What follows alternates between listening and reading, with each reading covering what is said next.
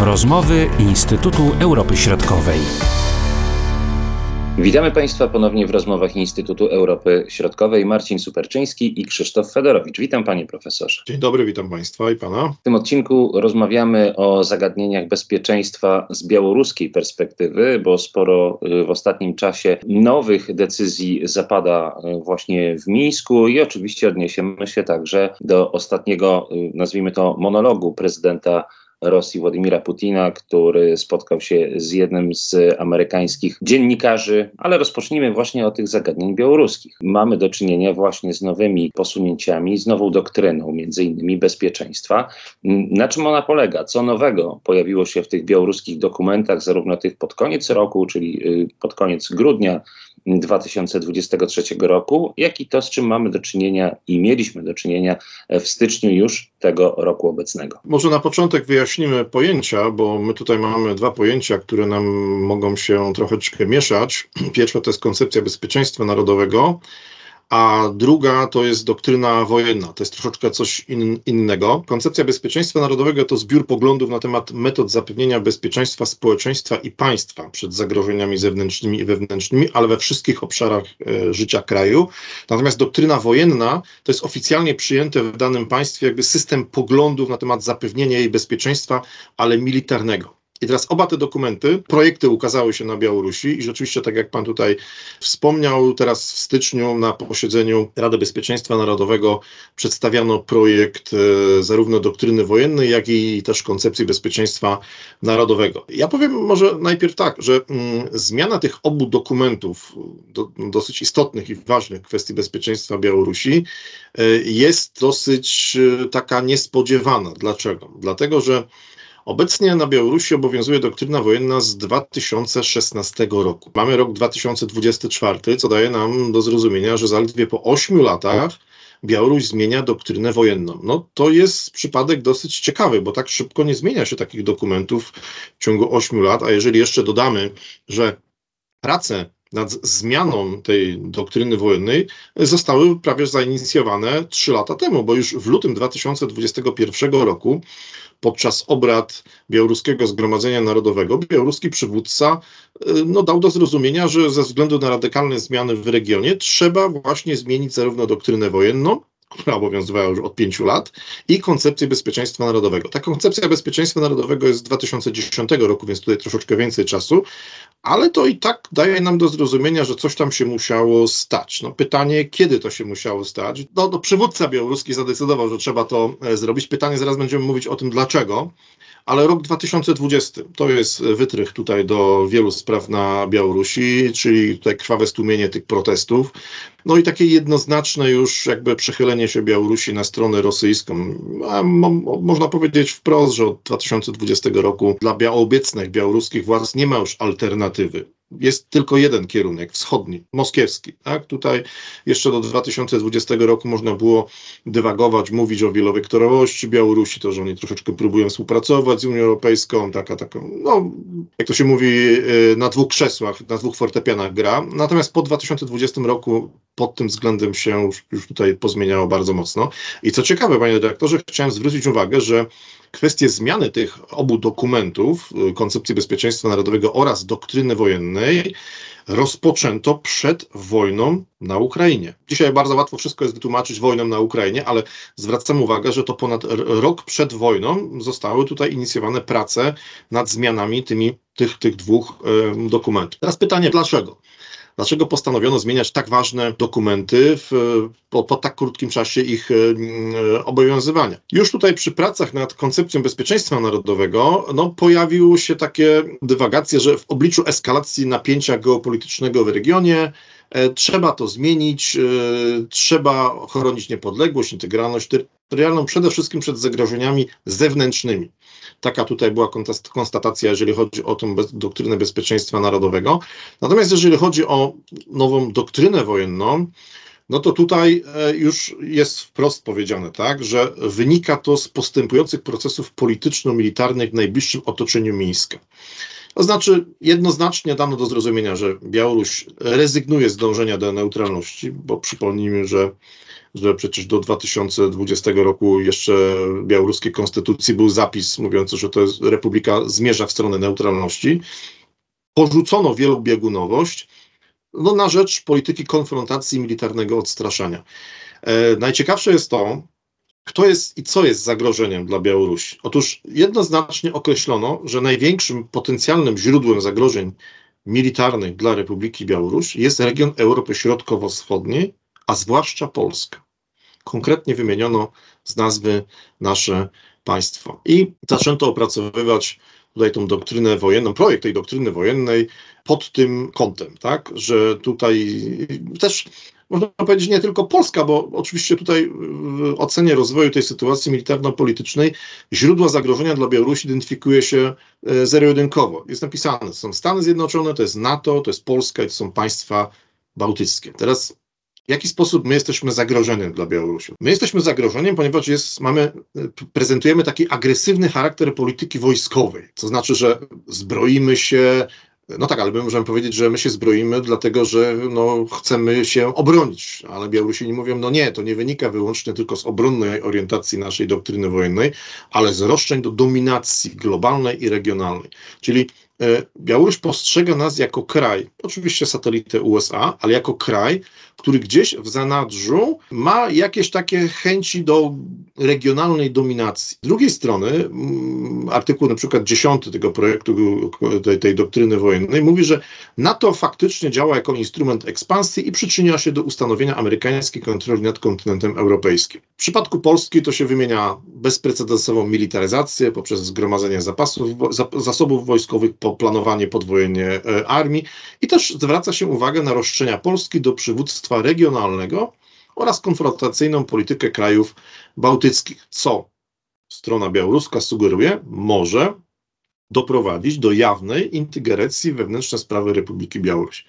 Przekładając to na język czysto potoczny, powiedzmy sobie szczerze, no Białoruś uważa, że działania, które są podejmowane w Polsce, czyli działania zmierzające do nasycenia tej flanki wschodniej NATO e, uzbrojeniem różnego rodzaju tam e, instalacjami, no to jest zagrożenie. Natomiast instalowanie chociażby broni atomowej na Białorusi, no Białoruś uważa, że to nie jest działalność żadna taka nastawiona na atak, tylko oni się bronią. No to jest takie no to, to jest tak jak na, na, w piaskownicy, tak? No ja, ja się zbroję, bo się boję ciebie, a ty się boisz mnie i też się zbroisz, razem się zbroimy. To jest takie myślenie y, jeszcze z czasów sowieckich, z tego co pamiętamy. Tylko się bronimy, na przykład to myślenie y, Związku Sowieckiego. Mniej więcej tak to wyglądało, tak było wyrażane i dzisiaj Rosja zresztą robi to samo. Też przecież nie mówi, że atakuje, tylko się broni. Tak, tak. Mamy, mamy to samo i mówimy, no, no, no my, my broń atomową, i to jeszcze nie swoją, tylko rosyjską, traktujemy jako coś, co ma was odstraszyć ma, was, ma wam pokazać,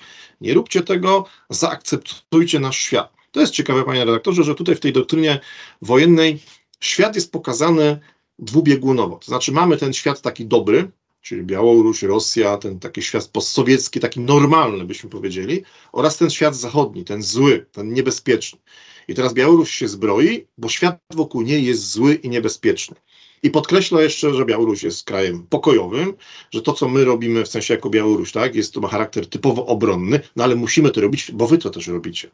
I to jest takie też odbijanie właśnie tutaj piłeczki z czasów, z czasów um, sowieckich, bo to rzeczywiście tak, tak wygląda. Mianowicie też Białoruś stawia bardzo dużo na kwestię odstraszania. No, nie uważają tak jak w czasach sowieckich, że im więcej rakiet my będziemy mieli i, i, i, i tych zbroi, no to może ktoś tam się przestraszy i, i, i tych rakiet będzie, będzie miał mniej. A w tych dokumentach pojawia się Rosja w ogóle z, z, nazwy też, czy ona występuje, nie wiem, jako gwarant bezpieczeństwa, jakiś podmiot, który tutaj jest tym stabilizatorem, czy tam w ogóle o Rosji nie ma y, nic? To znaczy w y, doktrynie wojennej y, Rosji raczej nie znajdziemy, ponieważ doktryna wojenna tutaj mówi o zapewnieniu bezpieczeństwa militarnego Republiki Białoruś. No tu jedynie jest wskazana Rosja, jeżeli chodzi o broń atomową. Natomiast w koncepcji bezpieczeństwa narodowego, tak, Rosja występuje jako najbliższy sojusznik. Tu są wskazane dwa kraje, to jest Federacja Rosyjska oraz Chińska Republika e, Ludowa.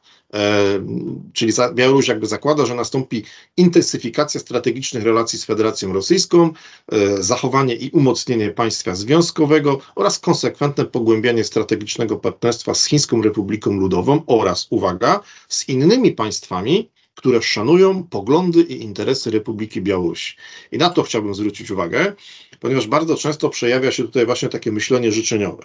Czyli y, przyjmijcie naszą opcję świata, tak, nasze interesy i wtedy ewentualnie my będziemy skłonni z wami rozmawiać. Czyli w stylu to było takim, no Polska musiałaby najlepiej wyjść z NATO, zlikwidować armię na wzór y, Islandii i wtedy ewentualnie Białoruś przy dobrych chęciach mogłaby z nami porozmawiać. Ale cóż by to wtedy była za rozmowa? Tutaj trzeba zwrócić na to właśnie uwagę, że ze strony zarówno Białorusi, ale także i Rosji jest takie, taka życzeniowość. Uznajcie nasze interesy, uznajcie nasze poglądy, nie krytykujcie nas, to wtedy ewentualnie będziemy razem z wami rozmawiać. Jeżeli nie, no to będziemy się okupować po obu stronach granicy. Czyli można powiedzieć, że tak Białoruś się formalnie wpisuje, nieformalnie zresztą też od dawna, e, w ten rosyjski sposób myślenia, rosyjski sposób działania. No ewidentnie Widzieliśmy prezentację tego punktu widzenia, tego myślenia w czasie tego ostatniego spotkania telewizyjnego pomiędzy amerykańskim dziennikarzem a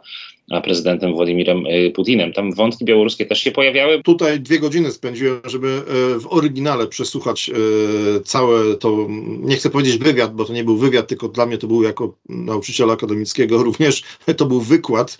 To wyglądało troszeczkę tak, jak profesor, który wie wszystko najlepiej, spotkał studenta, który nie bardzo wie, co robi na tej sali i on mu tam troszeczkę opowiada o tym świecie i próbuje go przekonać, że ten świat jest taki, a nie, a nie inny. Więc to tak. Taki wywiad poszerzony, bo tam i Putin przekazywał te e, kserodokumentów Bogdana Chmielnickiego, także to niezwykłe to było. E, no tak, ale ja tylko panie rektorze zwrócę uwagę na jedną rzecz. To, co osiągnął Putin. To nie chodziło tak naprawdę o powiedzenie jakichś tam nowych rzeczy, bo to, co on mówił, no to większość z tego my już, my już wiemy, ale chodziło o dotarcie o, do takiego przeciętnego wyborcy amerykańskiego.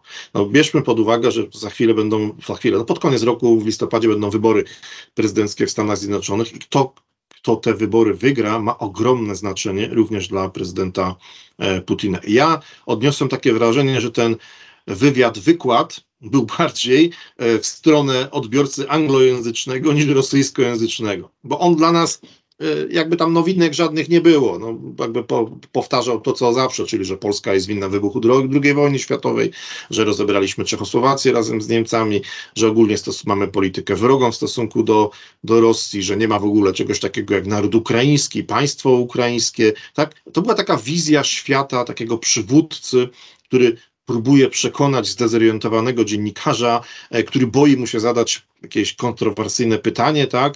E, nie odpowiada na pytania, bo, bo to tak naprawdę e, tutaj osobą dominującą to był właśnie Putin podczas tego, tego, tego wywiadu. I on w zasadzie wyłożył temu dziennikarzowi wizję świata i jak ma to wyglądać według niego.